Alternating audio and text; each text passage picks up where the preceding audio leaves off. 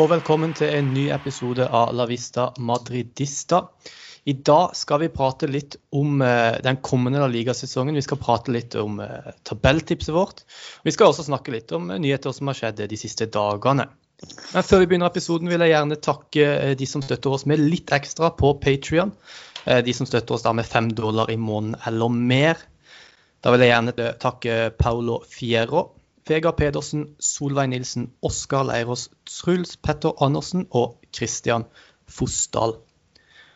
Med meg da til å prate om eh, tabelltipset vårt bl.a. har jeg Shayan. Hallo. Hei. Og Mikael. Velkommen. Hei sann. Før vi begynner eh, med tabelltipset vårt, så har det jo eh, vært en del nyheter rundt et par Real Madrid-spillere de siste dagene. Gareth Bale og Sergio Regilon. Kan ikke du ta og forklare oss litt hva som har skjedd der, Shayan? Eh, først og fremst så begynte det å gå rykter om at uh, Sergio Regilon var på vei til Manchester United. Eh, spilleren selv skal ha vært keen på en overgang til Old Trafford, men etter hvert så har det vist seg at United ikke ville gå med på den tilbakekjøpsklausulen Real Madrid gjerne ville inkludere i dealen. Så ganske få timer senere så begynte det å gå rykter om at han var nær en overgang til Tottenham. Og det har egentlig vært en ganske så grei prosess. Han er i London nå, og overgangen vil nok snart bli bekrefta. Og i den overgangen som, eh, så har Real Madrid inkludert en tilbakekjøpsklausul på 45 millioner euro, som de kan eh, aktivere innen to sesonger. Og når det gjelder Gareth Bale, så er det da snakk om eh, lån til Tottenham ut sesongen. Og så sies det at klubbene vil dele på lønna 50-50. Yes. Um, det er litt sånn eh, frem og tilbake rundt hvor mye Tottenham betaler av lønningene, hvor mye betaler Real Madrid. Uh, vi vet jo ingenting sikkert der. Um, så det er, jo, det er vel mest der uh, de strides akkurat nå, iallfall i media, uh, om at man ikke vet helt sikkert der, da. Um, for Regilon så er det jo et salg på 30 millioner euro som Real Madrid får nå. Det er jo veldig bra. Har du noen tanker om, om disse avtalene, Mikael? Det må være, det, dette må jo være bra for Real Madrid? Ja, så jeg tenker jo salget av Reglon er jo penger inn. Eh, nå har vel jeg kanskje vært en av dem som hadde tenkt at eh, Marcelo sin tid hadde vært over, og at Reglon hadde passet fint inn der. Men eh, når man først får 30 millioner eh, euro for han, så er jo det det er jo mye penger, det. Han er jo en venstrebekk som det har bevist hva han kan i én sesong. Eh, og så er det jo snakket om at den tilbakekjøpsklausulen blir på et sted mellom 40 og 45. Ja, da taper du kanskje hva skal jeg si, de 10-15 på å kjøpe den tilbake, men du har også fått penger inn. Og i tillegg så har også Real Madrid en klausul om at de kan matche alle tilbud som kommer på bordet for spilleren. Så jeg tenker at det er en ganske sikker deal for Real Madrid. Eh, når det gjelder Bale, så vil jeg jo si at det mest sannsynlig handler om at eh, de skal få kutta litt på lønningsposen. Eh, ettersom at han opptar en enormt stor del av den. Han er vel, om ikke best betalt, så nest best betalt eller tredje best betalt i klubben. Og det er jo selvfølgelig stor hjelp å få noen til å betale bare deler av den summen det året her. Han kommer ikke til å bli brukt uansett av Zidane, så, så det virker som en grei plan. Og så kan jo Tottenham være et sted hvor spilleren muligens ender opp neste sesong. Da er vel hans kontrakt ferdig med Real Madrid, så da Da er vel det ser ut som en grei plan, da. Men ja, altså. uh, hva skal jeg si? Altså, du ser jo nå akkurat at Real Madrid har eh, sendt av gårde Hames for noe som ser ut til å ikke være penger også, eh, ifølge Banfield i hvert fall, den gamle klubben hans.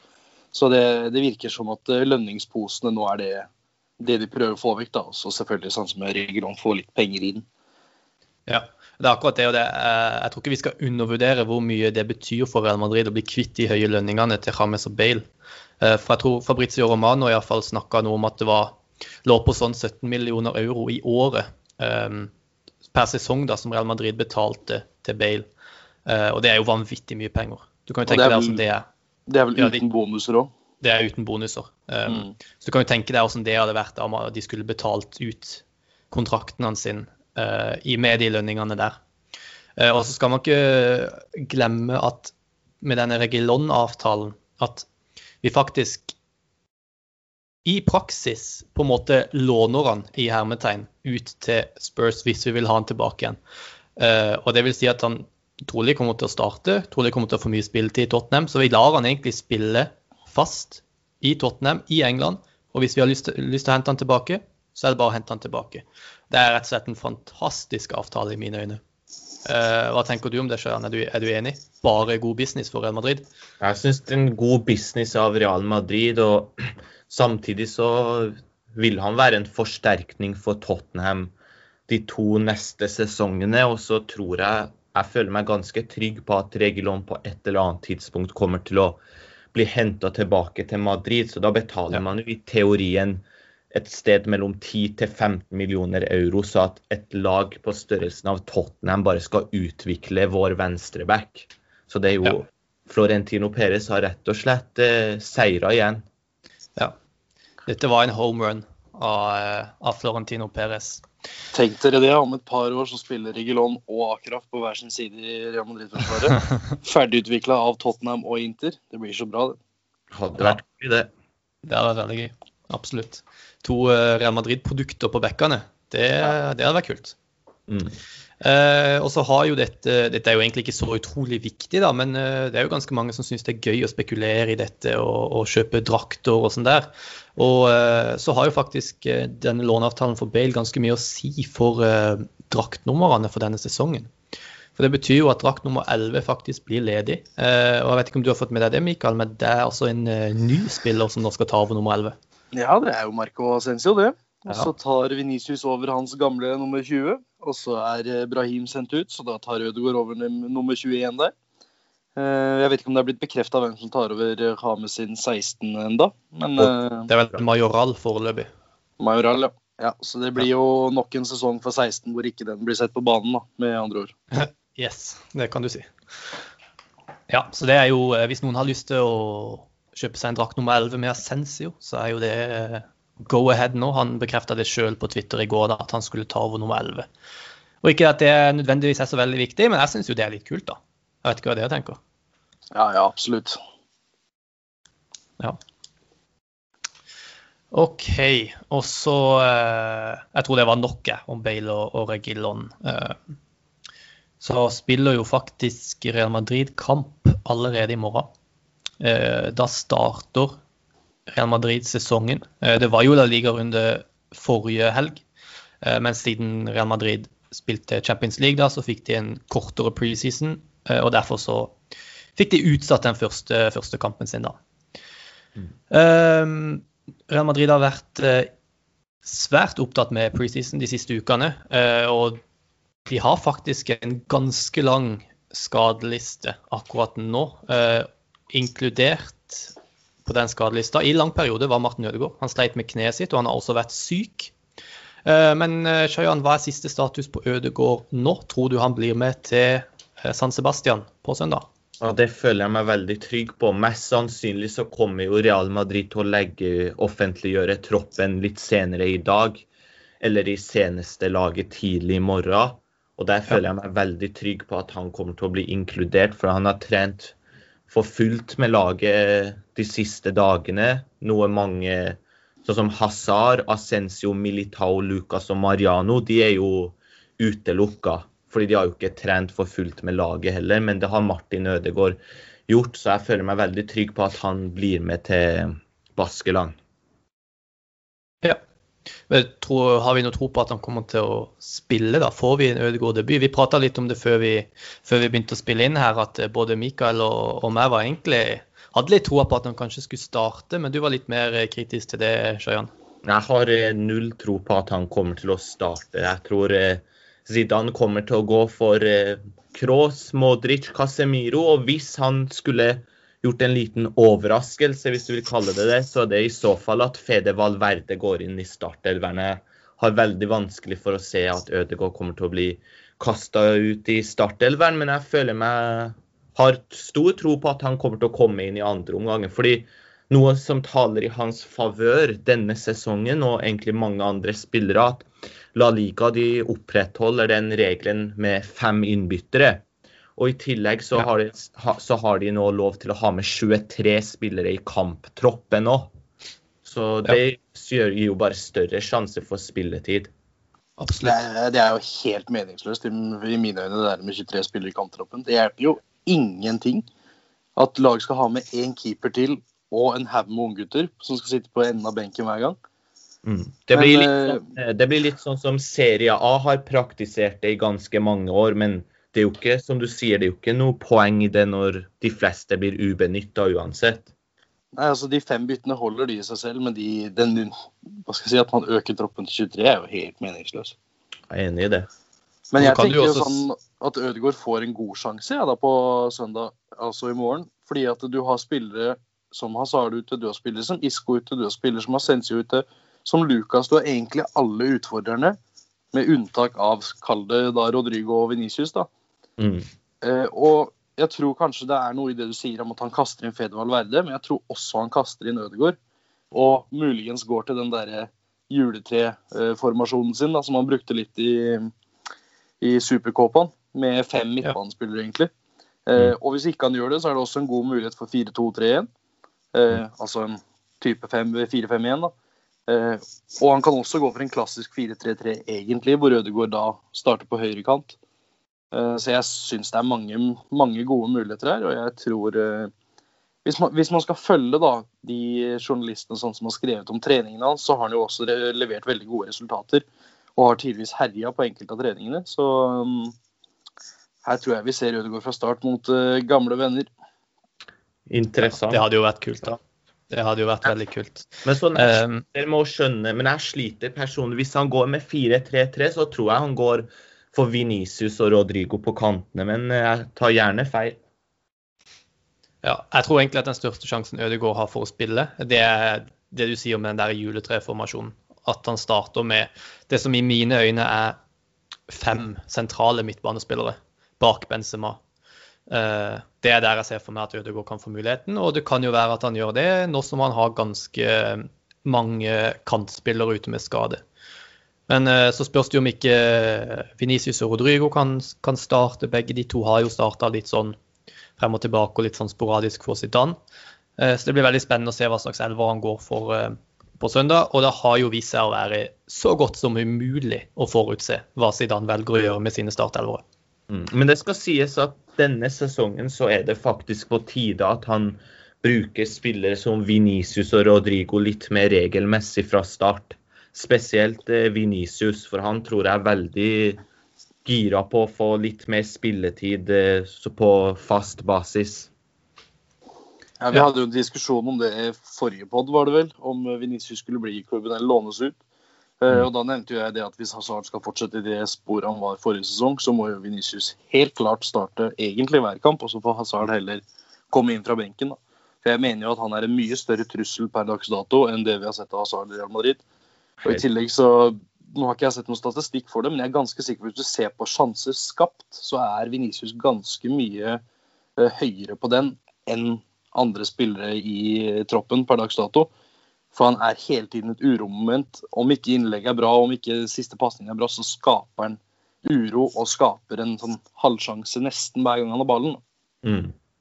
Men vi må også prøve å ikke glemme hvor god Hazard faktisk var i en periode for Real Madrid. I den der perioden eh, på midten av høstsesongen, eh, rett før han ble skada mot PSG, hvor han egentlig sto bak absolutt alt Real Madrid skapte og var et enormt uromoment. Eh, Problemet er at den perioden den var ikke så lang. nei, det var han ikke. Toppen Det var han ikke. Nå husker jeg ikke helt i detalj, men det var toppen. Og så er, Toppen syns jeg det var fire-fem kamper forrige sesong der han var til å kjenne igjen. Ellers så var det ikke det samme vi har blitt vant til å se han fra Chelsea-tiden. Nei. Så har han jo slitt enormt med denne skaden, og det virker jo egentlig ikke helt som han klarer å bli kvitt han. Det er jo det som er problemet nå også. Mm. Um, men så får vi se om han Hvis han klarer å Nå har han jo fått noen ukers hvile, og så får vi se om han klarer å, å komme tilbake i toppform etter det, da. Men jeg hovedproblemet, hovedproblemet mitt med det er at han er blitt altfor uegoistisk i Real Madrid. Han tør ikke å ta de samme avslutningene for eksempel, som han gjorde i Chelsea. Han stopper opp, han ser etter nestemann. Og vi trenger den Hazard som faktisk bestemmer, dikterer, tar skudd, skaper sjanser. Hvis ikke han gjør det, så er det ikke noe mer vi får ut av han enn vi får ut av Venicius. Mm. Ja. Eh, Jeg husker eh, Det var etter en, en kamp hvor Hazard eh, ikke var så veldig god. Så husker jeg at eh, det var noen som la ut på Twitter at Hazard sine beste egenskaper, altså det f.eks. å utfordre, ikke sant? å utfordre spillere én mot én og skjære inn og skape sjanser fra den venstre kanten, det forsvinner litt for at Real Madrid skal klare å holde oppe trykket og holde ballen i laget og holde flyt i angrepet. Fordi at Real Madrid ofte spiller mot lag som spiller med en dyp blokk, som spiller stort sett med alle mann bak ball. Så trenger Real Madrid å opprettholde en sånn flyt i laget og en bevegelse i laget, sideforskyvninger og flytte ball fra side til side, for å kunne bryte ned den blokken. Og derfor så gikk nesten alle Hazard sine pasninger den kampen bakover eller til sida. Mm. Og det var litt det som ble pekt på som kanskje er grunnen til at Hazard ikke passer så bra inn i Real Madrid akkurat nå. At hans sine beste egenskaper blir ofra for flyt i angrepsspillet. Mm. Jeg vet ikke hva dere tenker om det. Det høres jo relativt fornuftig ut, men jeg vil jo også si det sånn at eh, når du har spilt for Chelsea da, med en relativt god angrepsrekke eh, altså Chelsea har ikke vært kjent for forsvar de siste åra, de har vært kjent for en grei angrepsrekke. Og når du møter et bunnlag i Premier League da, så er det ikke sånn at de står veldig høyt med mange mann de gjelder. De legger seg jo dypt bakpå, og han har jo, som du sa, vært god til å skape sjanser innover i banen. Dra en mann, dra to mann. Men i Real Madrid så virker det bare som at det går ikke med mer enn én. da. Det går for treigt, det går for seint, og det kan godt være skaden hans som påvirker det her, men uh, han virker tung, altså. Ja, ja, vi får se om han klarer å, å gjøre det bedre denne sesongen. Uh, det, er det, er jo sikkert en kombinasjon av flere årsaker. At det er et nytt lag. ikke sant? Det er skaden. Uh, han, er ikke, han, må venne seg til en ny spillestil og sånn der. Men vi får jo håpe at han klarer å, å forbedre seg litt av denne sesongen. Det tror jeg blir viktig for Real Madrid hvis de skal klare å vinne en ligatittel til. Og det er det vi skal gå inn på nå. vårt tabelltips for den kommende sesongen.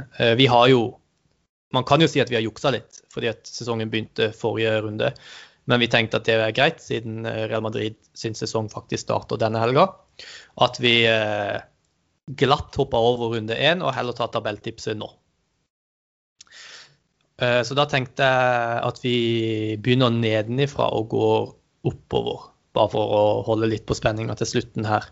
Eh, så har vi egentlig ikke blitt enige om et tabelltips på forhånd. Eh, men vi kommer til å prøve å diskutere oss litt, litt fram til det, da. Og så, og så ser vi åssen det går. Så da tenker jeg at du kan begynne, du kan begynne med nummer 20, Sjøjan. Hva tenker du der? Klink på bunn så har jeg Elche. Det er fordi Hvorfor det? Nei, det er fordi at hvis du ser på spillermaterialet, så er det få spillere der som har noe å vise til fra det øverste nivået fra tidligere. Eh, spissen som er fast i startelveren og kaptein er 40 år, født i 1980. Oi sann. Du har, eh, og i tillegg så har du noe så, noe så spinnvilt som en tropp på kun 15 spillere per dags dato. Så i kontorene der så jobbes det beinhardt i disse dager med å få inn nye spillere. For det som var med Elche forrige sesong, var at de hadde mange spillere på lån som de nå har mista. Så de jobber med å få inn spillere. og Sånn som situasjonen er nå, så må de nesten gå inn til kampene med fullt av juniorspillere for å i det hele tatt klare å stille en benk. Så der er det ikke en god situasjon per dags dato. Nei. Hadde jo også Kadis på eh, Nei, sorry, Elche på, eh, på sisteplass, eh, Mikael? Ja, det har jeg. Og alle grunnene er egentlig nevnt opp av Shayan tidligere her. De har i tillegg det laveste budsjettet i La Liga. Vil si at de har veldig veldig lite penger å hente spillere for. Eh, så hvordan de skal fylle ut de siste ti plassene i troppen, det skjønner jeg egentlig ikke. Ungdomstallen deres er heller ingenting å skryte av, så vidt jeg har fått med meg. Så ja, det virker som en klink 20.-plass og sisteplass i La Liga for min, min, del. Ja, da tror jeg vi går eh, raskt videre derfra. Eh, de var egentlig de jeg hadde på sisteplass også, så det passer jo bra. 19.-plass, der har Hvem har du der, Mikael? Der har jeg Real Valladolid, faktisk. Oi, oi, ok. Eh, de har ikke henta inn noen ting som er å nevne. Eh, de har mista Kubo, blant annet, som var en av personene som skapte flest sjanser for det i fjor. Eh, det virker ikke som at de gjør noen gode kjøp. De prøver seg på noen låneavtaler her og der. Det virker ikke som det er noen god tråd der, da. det bare, det bare flyter ikke for min del. Eh, jeg tror at de kommer til å møte en, topp, eh, en tøff sesong nå. At de kommer til å gå ned. Ok.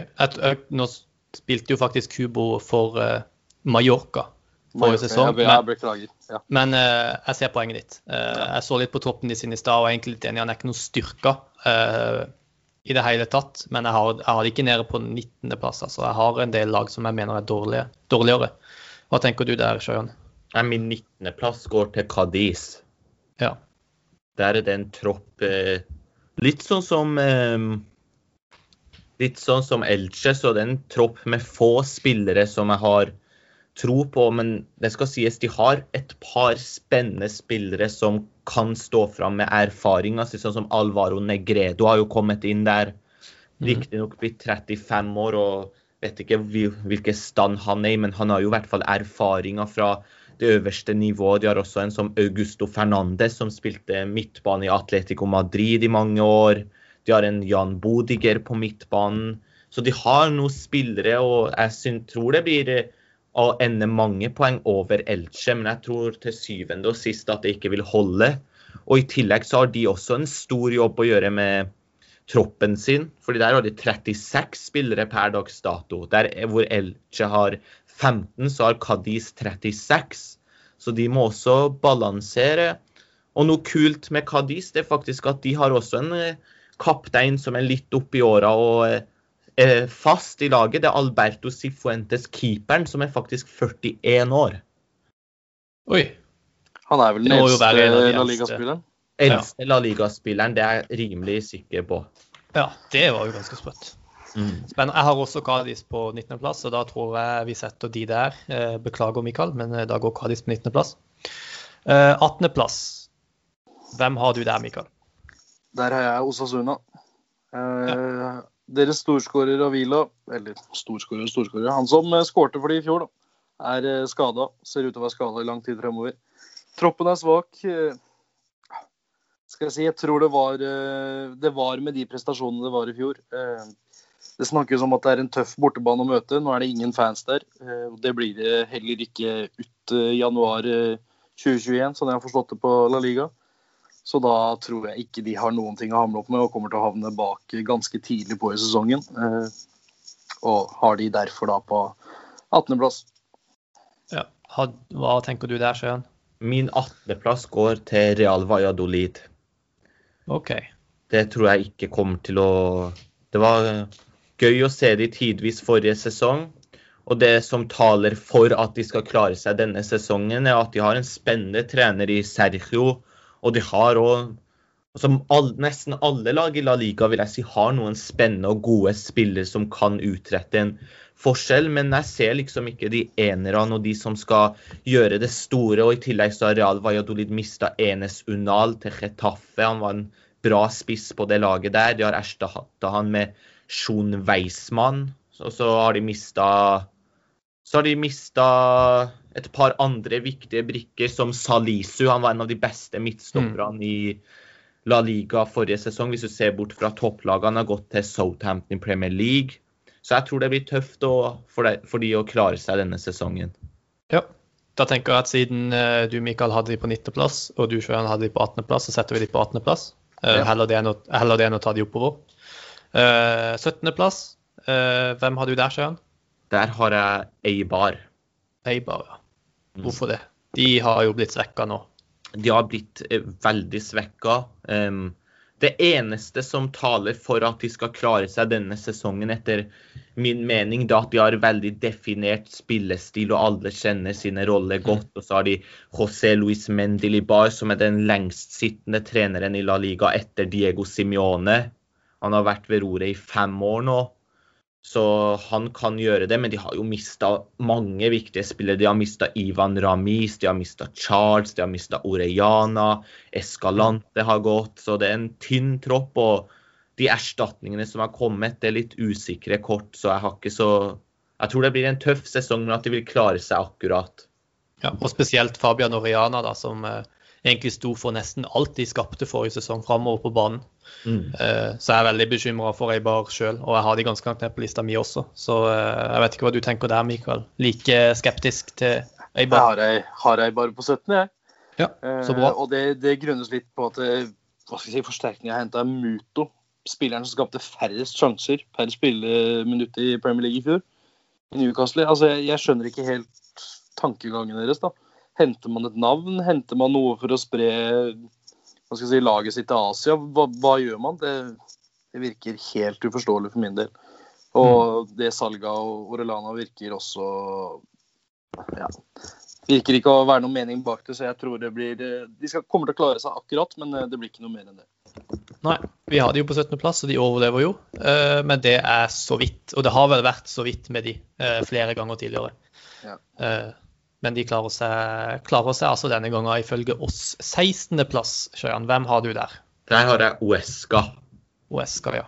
Mm. Jeg syns de, er, de virker som det beste laget av de som er nyopprykka i år. De har, de har, en god del spillere som allerede har vist mye på toppnivå. De har Siovas, en veldig trygg midtstopper som har spilt en årrekke i Leganes. De har Maffeo på høyrebekken, som var veldig god for Girona sist de var oppe.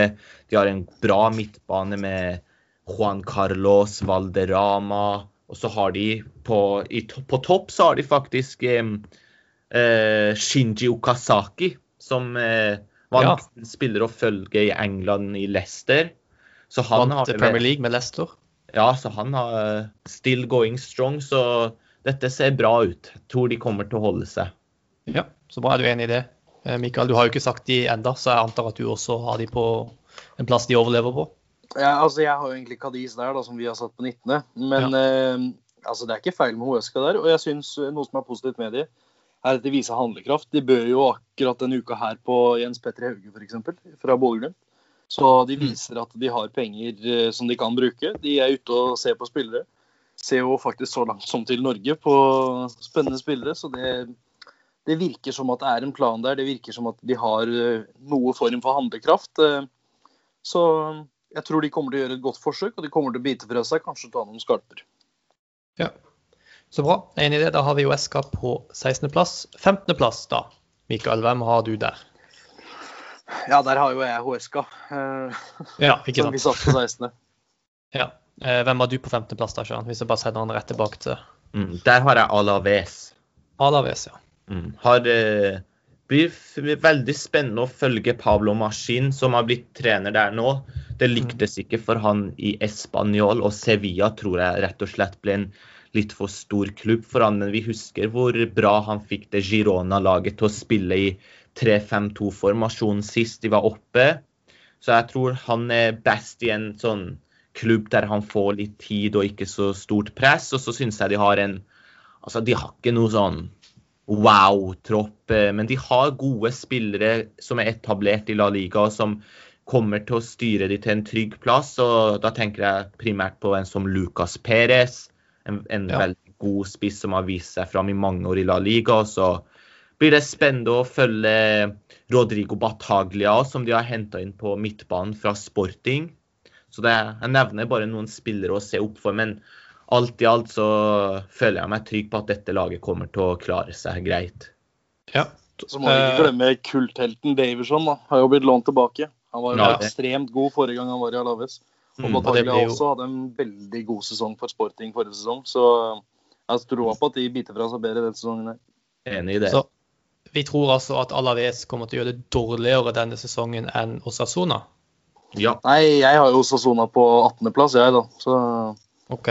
For jeg har egentlig også Osasuna eh, litt lavere enn Alaves. da syns jeg jeg, tror dessverre Sasona at, går inn der. To mot én, eh, Shayan. Så Ja. går eh, Osasuna inn på, fem, på, eh, på femteplass, og så går Alaves opp på eh, 14.-plass.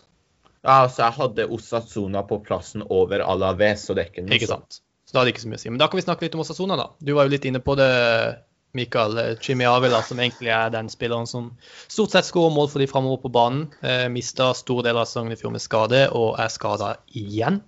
Eh, noen tanker om det, Shayan, veldig raskt? Ja, det var jo utrolig trist, da. Eh, to eh, korsbåndskader på rappen, og i to forskjellige knær òg. Det er jo ikke Mm. så ofte man ser Så det er utrolig trist. Han hadde jo ni mål på 20 kamper i La Liga forrige sesong før han røk ut på en skade, så det blir tungt for de å miste han. Altså, de har en såpass bra trener, og de har en spillestil som gjør at lag vil ikke møte Osasuna, spesielt på bortebanen, der de er gode til å presse og kriger eh, ordentlig på og har mange spennende og bra La Liga-spillere, så dette kommer til å gå bra for Osasuna i år. Ja, eh, enig. Jeg tror ikke at de kommer til å gjøre det så dårlig. Eh, men jeg tror jo det at de mister Jimmy Avila fort eh, plasserer de ned et par plasseringer, iallfall. Det er jo ganske mange mål de mister eh, av å ikke ha ham på banen. Det er nok en 10-12-15 eh, mål de fort mister der, ja. Ja, så det er jo fort ganske avgjørende, da. Men eh, vi får se. Vi satser på at Sasona klarer seg fint. Og mest sannsynlig så klarer de vel å ta noen skalper også denne sesongen. 13.-plass. Nå skal jeg si hvem jeg har satt der, og det er Celta Vigo. Um, litt begrunna at jeg tror jeg tror litt at alle alltid overvurderer hvor bra Celta kommer til å gjøre det. og Det er fordi at de egentlig i mine øyne fortsatt har en ganske bra tropp. Jeg mener jo at Diago Aspas fortsatt er en av de beste spissene i Spania. Uh, Bryce Mendes uh, er en spiller som jeg aldri på en måte gir opp håpet på. Um, og så sikra de seg jo i går, da, Jason Morio. Så jeg har satt de på, på 13.-plass. Uh, hva tenker du om det, Sjøen? Nei, Jeg syns det høres greit ut. Jeg har de personlig litt lenger oppe. Jeg har Levante over Osasona. Ja. Jeg har også Levante der. Jeg har mer tro på Celta Vigo enn Levante. Okay. Men da gjør vi det. Da setter vi Celta på 12.-plass, og så tar vi Levante på 13.-plass. Mm. Litt, litt av grunnen, tror jeg, eh, med Levante der, det blir det at eh, de får inn eh, en spiller som Dani Gomez da, fra Real Madrid. En spiller som har vært i clinch egentlig med styret til Real Madrid i flere år. Gjorde det riktignok ikke så godt på utlån nå, men jeg tror på at med spilletid og sjanser og med en læremester og kaptein som Morales på siden der, som kan pumpe innlegg inn, så tror jeg det her kan bli en grei sesong for Levante. Altså, de har jo fortsatt uh, Morales, som er en spiller som jeg virkelig har sansen for. Han skåret jo ikke så mye mål i fjor, men det virker bare det at når han skårer, så er det enten vanvittig fint eller vanvittig viktig. Ja. Uh, så det er en spiller jeg har sansen for. Han skåret jo også to mål da uh, forrige helg mot Valencia, men det holdt jo ikke. Men så har de også Roger Marti, han er vel skada nå. Eh, men det finnes jo mål i han også. Ja. Så vi får se. Jeg var kanskje litt overoptimistisk på, på Levante sine vegne. Um, men da setter vi altså Levante på 13.-plass og Celta på 12.-plass. Og 11.-plass, der har jeg satt Atletic Klubb. Mm. Ja, de har jeg på 12.-plass. Uh, ja, du har bytta, vi bytta Celta og Atletic der. Uh, og det går på bakgrunn for meg om at de har mista San José som er veldig, veldig mye rutine i det laget der. Uh, han var en leder. Hadde god kontroll på midtbanen. Nå var det ikke så mye han spilte mot slutten, men det sies visstnok at han var ekstremt god til å lede laget og troppen og spillerstallen. Uh, både fra garderoben og på treninger og sånn. Så jeg tror det kommer til å bli et tap de kommer til å merke. Ja. Nå skal det jo sies at vi skal i utgangspunkt ta ut Altså, Vi skal jo ta utgangspunkt i hvordan troppen ser ut i dag. Men akkurat med, med, det du sier der, så har det jo vært veldig store rykter knytta til Javi Martinez fra Bayern München. Og jeg tror det at hvis de klarer å få han inn, så kan jo dette være litt av den rutinen da som, som de trenger. Um, og så syns jeg samtidig Inyaki Williams skaper alltid farligheter. Er kanskje ikke så sinnssykt målfarlig, men han er rask nok til at han kan skape problemer for alle lag i Spania. Uh, og så tror jeg generelt nok at troppen til sin bare er solid nok Uh, Inigo Martinez bak der er jo, er jo brukbar, og Juri Bøcic hadde en flott sesong forrige sesong. Så jeg bare tror at det, eh, det er nok kvalitet der til at de ikke, akkurat ikke klarer å toppe ti, men uh, til en ellevteplass i mine øyne. Hva, hva, tenker du der, Sjøen? Jeg har personlig så har jeg Atletic over Granada. Ja, ok. Men, men jeg er enig, har, ikke, har egentlig ikke så mye å tilføye til dere dere sa. Jeg er enig i det meste. Men, hvis du, ja. men, jeg må bare få si det at jeg syns Atletic begynner å bli en fryktelig kjedelig lag, altså.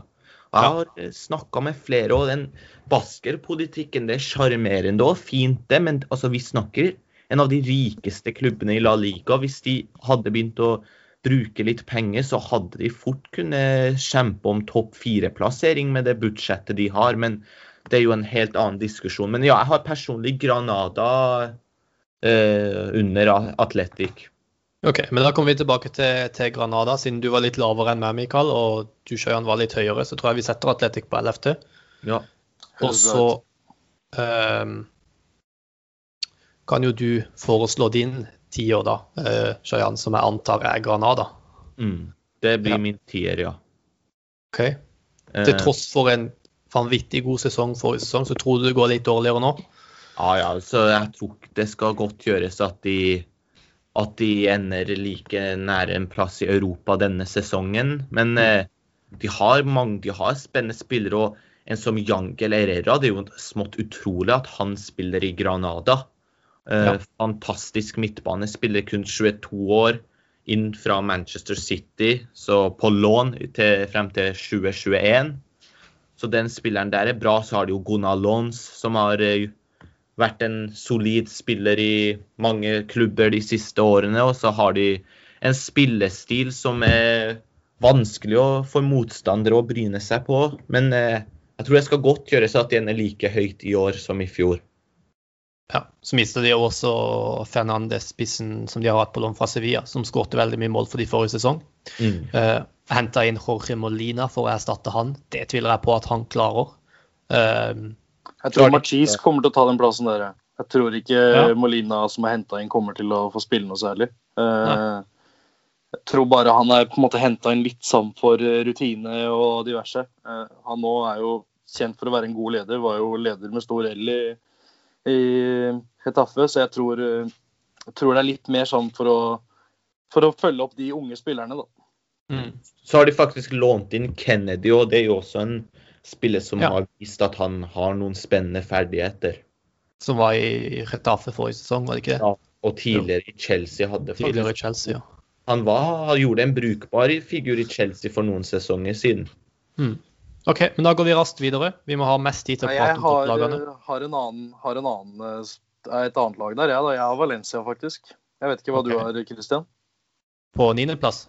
Nei, på tiendeplass. På tiendeplass. Uh, ja, der hadde jeg også Valencia, faktisk. Ja. Jeg vet ikke, hva, hva setter vi på tiendeplass da? Da tror jeg vi går for Granada på tiendeplass, og så sier vi Valencia på niendeplass. Hvorfor, Sjøyan? Jeg har også de på niendeplass. Og det er rett og slett for at der er det et leven uten like for øyeblikket. Det er kaosklubb nummer én i La Liga. Eller det er kanskje Barcelona, men Valencia er der oppe, de også. Ja, det er god kamp om det, iallfall. På tida. De, de kriger bra på den fronten. Ja. Og det at Valencia de har mista den De har mista viktige brikker uten å få inn noen erstattere. De har mista Ferran Torres, de har mista Coquelin, de har mista Dani Parejo, de har mista Rodrigo Moreno. Uten å erstatte disse spillerne. Så det her tror jeg kommer til å bli en blytung sesong, og fansen de er jo i harnisk og stor uro rundt klubben. Har vi Gracia for jobben med å ordne opp i dette, og da er det bare å ønske han lykke til, for det ser ikke bra ut. Og den midtbanen de har, det er syltynne greier. Altså. Det er Kondogbia, og så har de Uros Rasic. Det er de to eneste som er kapable til å spille sentralt på midtbanen. Mm. Så det er syltynn tropp. Ja, det er vanvittig tynn tropp. Jeg blir jo sjokkert over at de klarer å gi fra seg en spiller som, spillere som Coquelin og Parejo ikke erstatter de. Det er rett og slett helt utrolig. Og Parejo Parejo han var jo selv i tårer, for han ville jo ikke forlate klubben, men de ble jo presset ut. Og spillere som skåret mye mål for dem, ikke minst. Eh, det er greit nok at det var stort sett eh, straffespark og frispark, men det er allikevel en spiller som skåret mye mål for dem. Mm. Og, en, eh. og, ikke minst så er Parejoan en klubblegende i Valencia. Han har, han har vært kaptein der i mange år og har 383 kamper for klubben. Mm. Så hvis, det, hvis, en spiller på Real Madrid hadde fått en slik behandling, så hadde jo hele verden skreket ut om hvor elendig klubben behandler sine spillere. Ja. Ja, og eh. Gracia har jo allerede vært ute og kommentert negativt om styret, så jeg tror ikke det her kommer til å bli en veldig god sesong, for å si det sånn. Nei. Nei. Enig. Eh, men en niendeplass, da. Kanskje under forutsetningene ikke er helt krise. Men for en klubb som Valencia, så er det jo ganske dårlig. Mm. Ja. jeg tror, vi må, jeg tror egentlig vi må forte oss litt. Um, så jeg tror på, på åttendeplass har jeg Real Betis. Har dere også Real Betis der? Ja, Retafe. Samme her. Ja. OK, Retafe, da. Da setter vi Retafe der. Hvorfor det? Eh, jeg tror de kommer til å være hakket hvassere framover. De har henta inn Cucho Hernandez og mm. Enes Zonal. Eh, de har også signert eh, Marco Correa. Eh, men jeg tror på en måte folk begynner å forstå spillestilen deres. Eh, kommer nok kanskje til å kaste seg enda litt mer i taklinger de får, få flere, eh, flere frispark da. Og lærer seg å spille litt mer rundt dem, for de spiller jo på akkurat samme måte hele tiden uansett motstander. Og det er grunnen til at jeg tar de et hakk ned. da. Mm. Ja. Sjøan, raskt enig? Ja, jeg er enig. Har ikke mye å tilføye der. De må ha litt flere strenger å spille på for det begynner å Motstanderen begynner å forstå seg på den spillestilen. Ja, Uh, enig i det. Um, Syvendeplass, da har dere kanskje Real Betis der? Det har jeg. Ja. Det går på at de har eh, da sikra Bravo, Ruiz og Montoya bakover. Blir mer ja. solide der. Fordi framover er de jo gode. Ja, De kan jo skåre mål, iallfall. Fekir uh, skaper jo en del og vet hvor målet står. og Loren Moron på dagen sin kan også skåre mål. Så har, Iglesias. så har du en manager òg som vet å prestere på det høyeste nivået i Manuel Pellegrini. Ja, absolutt. Skal ikke undervurdere det. Det er uforløst potensial over dette Betis-laget, så jeg har ja. tro på at han vil gjøre det bra. Ja, helt enig. OK, men da går vi raskt videre. Sjetteplass. Der har jeg satt Real Sociedad. Mm. Jeg òg. Samme her. OK, så godt at vi er enige der. Eh, de har jo egentlig en veldig lik tropp som i fjor. Eh, men de har jo jeg vil jo egentlig si at sånn for å være helt realistisk og helt ærlig, så vil jeg jo si at David Silva er en sånn ganske klar eh, styrkelse fra, fra, Martin Ødegaard. Mm. Hvis du ser tilbake på hva han har levert tidligere. Ja, og den rutinen han i tillegg kommer med, i tillegg til kvalitetene. Eh, Isak eh, kommer litt mer i gang. Eh, var jo ganske god forrige sesong, men spilte ikke fast. Porto ble bedre og bedre i løpet av sesongen. Og selv om de hadde en ganske sånn kriseavslutning, så tror jeg fortsatt at de, de, har kvaliteten til å være bedre enn lag som Betis og Retafe og Valencia og sånt. Mm. Altså Offensivt så står de ikke tilbake for mange lag i La Liga, men det er bare det defensive der jeg syns det er ganske tynt. Så det må de få tatt litt tak i. Det er det som gjør at jeg ikke har de høyere oppe på tabellen. Mm. OK, enig. Uh, femteplass, hvem har du satt der, Mikael? Villarreal. Uh, og det kommer på bakgrunn av at de har sikra seg Jaume Costa, Francis Coquelin, Dani Parejo. Uh, de har eh, lånt Takefusa Kubo. Altså, de har henta de beste fra Valencia. De har uh, fått eh, en erstatning for en eh, Alberto Moreno, som ikke er helt å stole på på venstre bekk. muligens kan Costa være bedre der, så jeg tror at det samme Chukwese og gutta fremover, og Gerard Moreno, for ikke glemme han, så tror jeg det her kommer til å bli en meget god sesong. Mm. Så fikk de jo inn eh, De henta jo Stupinian også, som ble henta inn eh, om det var i går eller foregårs, eh, som spilte for oss Asona forrige sesong, som var veldig god. Han er jeg veldig spent på. Mm. Uh, og så er det jo som du sier, hvis Moreno og Alcacer klarer å fortsette å skåre mål, uh, så har de jo nok slagkraft uh, bak der, og nok spillere bak der som kan skape sjansene for dem.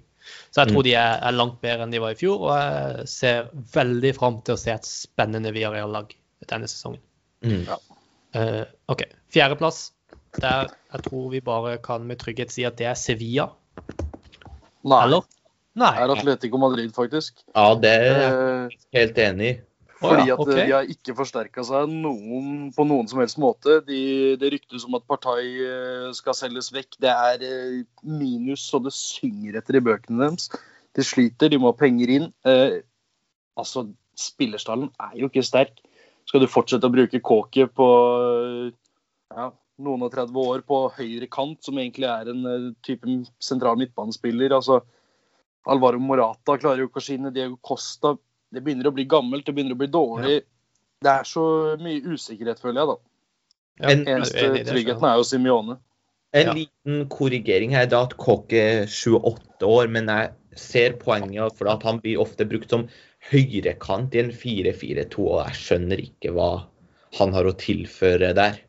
Ja, Det er jo enda mer pinlig om han er 28 år og spiller som han er 42. Mm. Har, har heller ikke sansen for Kåke, men jeg syns egentlig Jeg hører at mange eksperter ikke er enig med meg i dette, men jeg syns at Diego Simione og Atletico Madrid er i ferd med å gå seg litt fast. Jeg. Ja, helt enig. Og så jeg hører at de sier ja, det er greit, Simone har bygd opp denne klubben. Simone betyr enormt mye. Men jeg føler at det, det begynner å nærme seg et punkt der de må gå hver sine veier. For jeg tror det er mange trenere der ute som kan gjøre en vel så bra jobb med dette Atletico-laget som det Simione gjør per dags dato. Ja, OK. Jeg tror, jeg tror, bare på en måte det som at eh, det at Simione er der, gjør at de får en fjerdeplass. da, Hvis du skjønner hva jeg mener? At ikke ja, ja. det blir dårligere enn det. Altså, det, Han garanterer en fin plassering, men han er ikke lenger den mannen som kan ta de et steg videre. Og i, som, som, en som elsker spansk fotball, så var det bare beklager språkbruket, drita pinlig å se dem mot Leipzig i Champions League. fordi de, altså, de vil ikke vinne. De, de, går ofte inn i kamper der de ikke har lyst til å vinne, og det syns ikke jeg hører hjemme når du er topplag i Spania. Så er det jo et lag som uh, klarer seg ganske bra mot lag som er bedre enn de. For De mm. har en spillestil som, som, passer veldig godt mot det. da. Mot å kunne, altså det å kunne ligge dypt og forsvare seg, ta kontringer, få en tidlig skåring, forsvare seg. Det er på en måte noe de er veldig gode på, men det kan de ikke gjøre mot de dårligere lagene i La Liga. Uh, og det er der de har slitt veldig mye, da, spesielt i fjor. Og jeg er egentlig enig i at det virker som at de kan slite der også, hvis de skal spille med Morata og Diego Costa eller Marcos Llorente til og med, som spisspar. Mm. Og så spilte ja. de tror jeg det var 16 kamper der det ble uavgjort. og det ja. viser jo at de mangler gjennombrudd i kamper der det er jevnt. Ikke sant. Men da tror jeg vi må gå videre, for jeg har veldig lyst til å prate mye om de to første. Og vi er litt eh, begynner å nærme oss slutten på tida allerede. Så eh, Sevilla, tredjeplass, eh, vant eh, Europaligaen Eller jeg antar at dere har Sevilla på tredjeplass, da? Ja. ja. ja. Uh, Sevilla vant Europa League. Uh, egentlig bare styrka i mine øyne fra forrige sesong. Fikk får inn Rakitic, som i mine øyne fortsatt er en fantastisk spiller. Uh, Oscar Rodriguez, som kan bidra med et langskudd en gang iblant. Og også han Akunya, venstrebacken fra Sporting. I ja, han må ikke glemmes, altså. Nei. I tillegg til i mine øyne minst like viktig at de klarte å beholde Diego Carlos og Oscar Ocampos. Mm. Uh, så jeg, jeg, ser veldig, veldig positivt på Sevilla sin, song, uh, sin nye sesong da under, under Lopetegi. Mm. Uh, jeg vil jeg tilføye noe mer til det. Han er nesten det viktigste. Ja. Ja. Nei, det er, det er, egentlig nevnt det som trengs der. Og jeg syns spesielt Akonia skal, skal, man se opp for. For han kan spille både venstre bekk og venstre kant og det som er sentral midtbane hvis du trenger det veldig, veldig solid spiller der. Og så ja. syns jeg litt eh, Kanskje litt sånn eh, eh, sykt å melde, vil noen si, men jeg syns de har det beste stopperparet i La Liga bak Ramos og Varan. Ja, enig. Ja. Diego Carlos og Conde de utfyller hverandre veldig bra. Ja, det er enig. Gøy å se dem når de spiller forsvar. Absolutt. Mm. Uh, Jules Condé som også har vært linka litt til Real Madrid. Så vi får jo håpe at det, det er noe som eventuelt kan skje en gang i framtida. Ja, det hadde vært gøy. Ja. OK. Topp to. Barcelona. Barcelona på andreplass, da? Ja. ja. Det har kanskje du også, Sjøen? Jeg har Barcelona på andre. Ja, det har jeg også. Um, men jeg vil gjerne bare prate litt om at vi kanskje undervurderer Barcelona litt. For det var jo faktisk ganske jevnt mellom Real Madrid og Barcelona i en lang periode forrige sesong. Mm. Og jeg mener ikke at Barcelona er så svekka uh, som det veldig mange skal ha det til. da. Mm. Altså, Og ut med, med Rakitic og Vidal, det mener jeg egentlig ikke er så farlig, fordi at de har fått inn Pjanic, som er bedre enn begge to. Og de i tillegg har Ricky Puch, som er en ung spiller som får mer spilletid. ikke sant? Mm. Suárez går mest sannsynlig ut, og da kommer mest sannsynlig Memphis Depay inn. Og ikke minst så beholdt de Messi, mm. eh, som er altså helt enormt viktig. Så i mine øyne så kanskje dette kaoset rundt klubben eh, trekker litt sånn fokus fra at troppen faktisk er så godt som den samme og fortsatt har vanvittig mange klassespillere i seg. At de mm. kanskje ikke er så svekka mm. eh, som det mange har sagt. Ikke sant? Eh, hva, hva tenker du om det, Sjøjan? Nei, jeg er helt enig. Også jeg ser enkelte ha de på fjerdeplass, og det syns jeg blir for dumt. Ass. Det er Ronald Koman ikke min favorittrener, ikke den beste treneren i verden, men han har en naturlig aura i den klubben pga. sin bakgrunn der. Så hvis han nå kan ta litt tak og få de litt samla, så er det faktisk en knallsterk tropp. Og den troppen de har, den er ikke den er faktisk etter min mening ikke mye Det er ikke noe dårligere enn Real Madrid, altså. Det er mange spillere der de har som kan få en ny sesong når de viser seg fram. Og jeg syns heller ikke det skal undervurderes det faktum at Coutinho er tilbake. Altså, mm. Han kan òg få en helt ny start, og hvis han får selvtillit, så er det fortsatt en fantastisk spiller. Og I tillegg har du òg Osmane Dembélé, hvis han kan holde seg skadefri. Du har ikke minst en Ansu Fati, som er det største talentet i La Liga, etter min mening. Så, og de hadde en katastrofesesong der de endte fem poeng bak Real Madrid, så da er jeg spent på hvordan det blir hvis de nå leverer bedre. Mm. Hva, hva, tenker du om det, Mikael? Overvurderer vi litt hvor mye kaoset i klubben uh, det utenom sportslivet, hvor mye det betyr for det som skjer på banen? Nei. Fordi at det, Nå har dere nevnt alt det som har med spillere å gjøre, og det er veldig greit, det. Men hvis samtlige spillere og deres største ledestjerne, som har fått tilbake kapteinspinnet, Lionel Messi, går av forbanna på styret hele sesongen, og det, hva skal jeg si, de drar med seg den negativiteten da, inn i kamper, eh, på treningsfeltet, alt det her. Jeg tror det er det som påvirker. Så hvis ikke vi får ut Bartomeo før sesongen er i hvert fall halvspilt, så er det grunnlaget for andreplassen. De har den beste troppen, men det er ikke det det går på. Det går på at nå er de så fed up med det som skjer på styrerommet med Bartomeo og alt som er der. Og jeg tror heller ikke Koman er en så god trener at han kommer til å gjøre en veldig stor forskjell der, skal jeg være helt ærlig. Men nå Nei. ser det jo faktisk ut som at det skjer noe på presidentfronten, fordi de har jo samla inn nok underskrifter, ser det ut som per dags dato. Det ser, ser, ut som, ja, men han har jo lurt seg unna andre ting tidligere, liksom. Så jeg hadde ikke vært for sikker hvis jeg var Barcelona-fan der, for å si det mildt. Nei, det blir spennende å se. Jeg kan ikke nok om eh, presidentvalget der til å uttale meg, men hvis det viser seg nå at han går av, så er det nok til beste for Barcelona.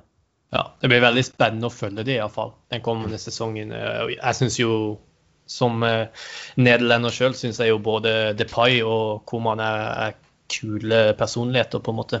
Mm. Eh, så vi får se hvordan det går med de. Vi har de på andreplass, eh, litt pga. kaoset, og også kanskje litt pga. at de, de aldrende spillerne kanskje begynner å, å, bli svakere og svakere. Altså typisk eh, Piquet, Jordi Alba, eh, de spillerne der, da. Mm. Ja, du snakka jo om midtbanen i stad, f.eks. At ikke den blir svekka. Men den er jo allerede ekstremt svekka hvis de skal fortsette å spille med Busquets. Ja, syns du det? Ja, ja, jeg, jeg mener at Busquets fortsatt er jeg mener at han fortsatt er en av de beste i verden i sin posisjon. Jeg syns Barcelona-midtbanen kommer til å bli forsterka denne sesongen. her, fordi hvis eh, Koman gir en riktig rolle til Frenkie de Jong, og mm. i tillegg bruker Puig mer, så kommer det til å være bra for laget. Og i tillegg så er Pjanic enda en veldig god spiller, selv om han også begynner å dra på åra, så jeg syns ikke de er svekka. Men hva mener du er riktig rolle til de Jong, da? For Nei, da... Riktig rolle til de Jong er jo Busquets rolle. Nei, men den, jeg syns eh, de Jong kan kan Jeg har tro på de Jong en 4-2-3-1-formasjon hvis han kan spille ved siden av f.eks. Busquets eller Pjanic. Ja. Jeg mm. tror at det beste de gjør, er i hvert fall å sette Busquets på sidelinja nå. Altså, ja. det nærmer seg jo Det gjør det jo, men eh, jeg tror Ja. Jeg har tro på at Busquets enda kan vise litt kvalitet. Så, altså, så, skal vi jo ikke glemme f.eks. da at uh, forrige sommer så prata vi om at Tony Cross f.eks. burde være ferdig eller Det var iallfall en del som mente det, at Tony Cross burde være ferdig i Real Madrid forrige sesong. Altså forrige sommer. Uh, og så leverte han en, en klassesesong nå. Så det at uh, spillere ja, det, sa, det sa de om Luka Modric også. Absolutt. Så det at en spiller har hatt en dårlig sesong, betyr jo ikke nødvendigvis at de er ferdig på, på toppnivå heller.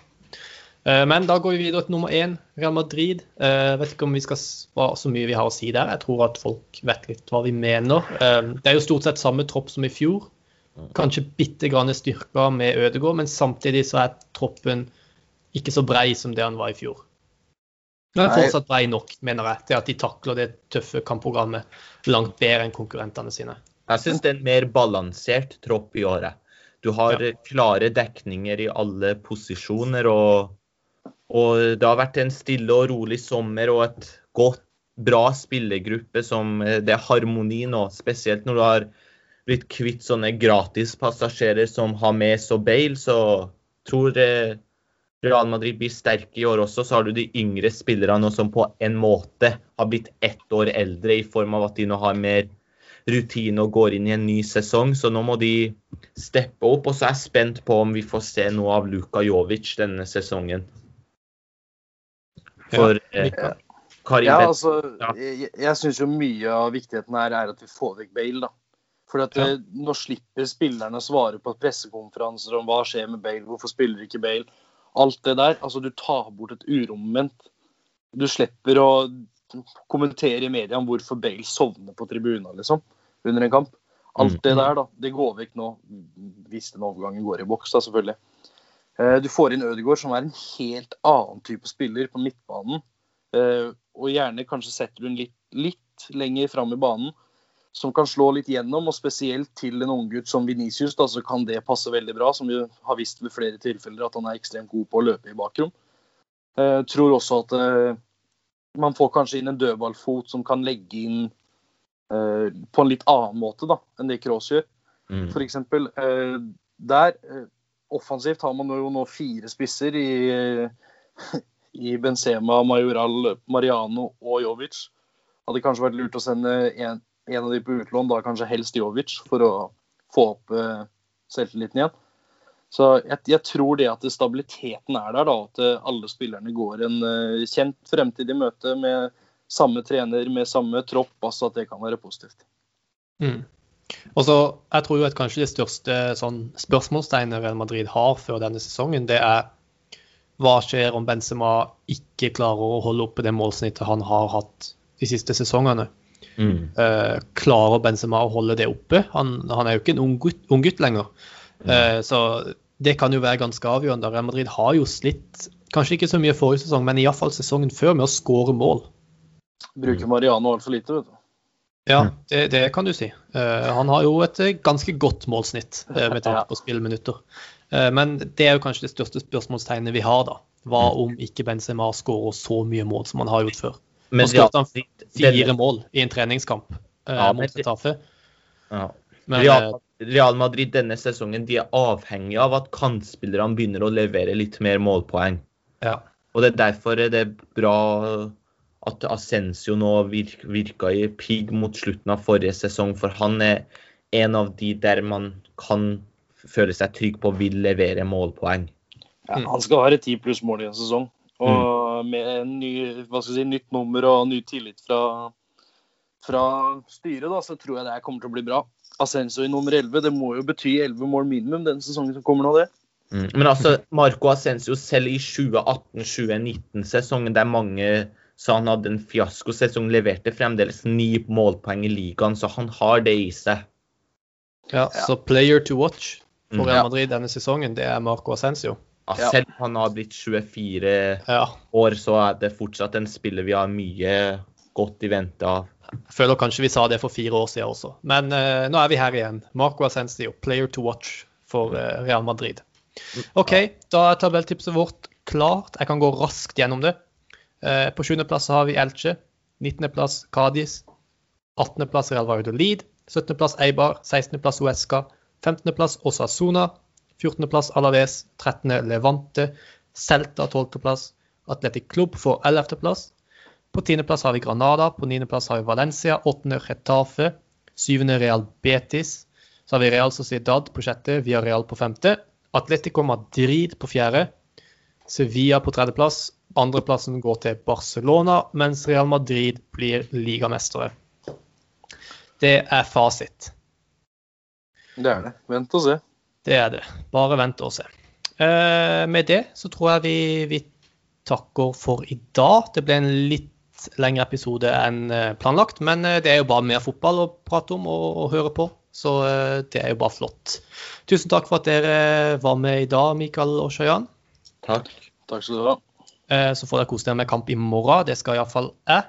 Eh, Og til alle dere som hørte på, tusen takk. Og til neste gang, à la Madrid.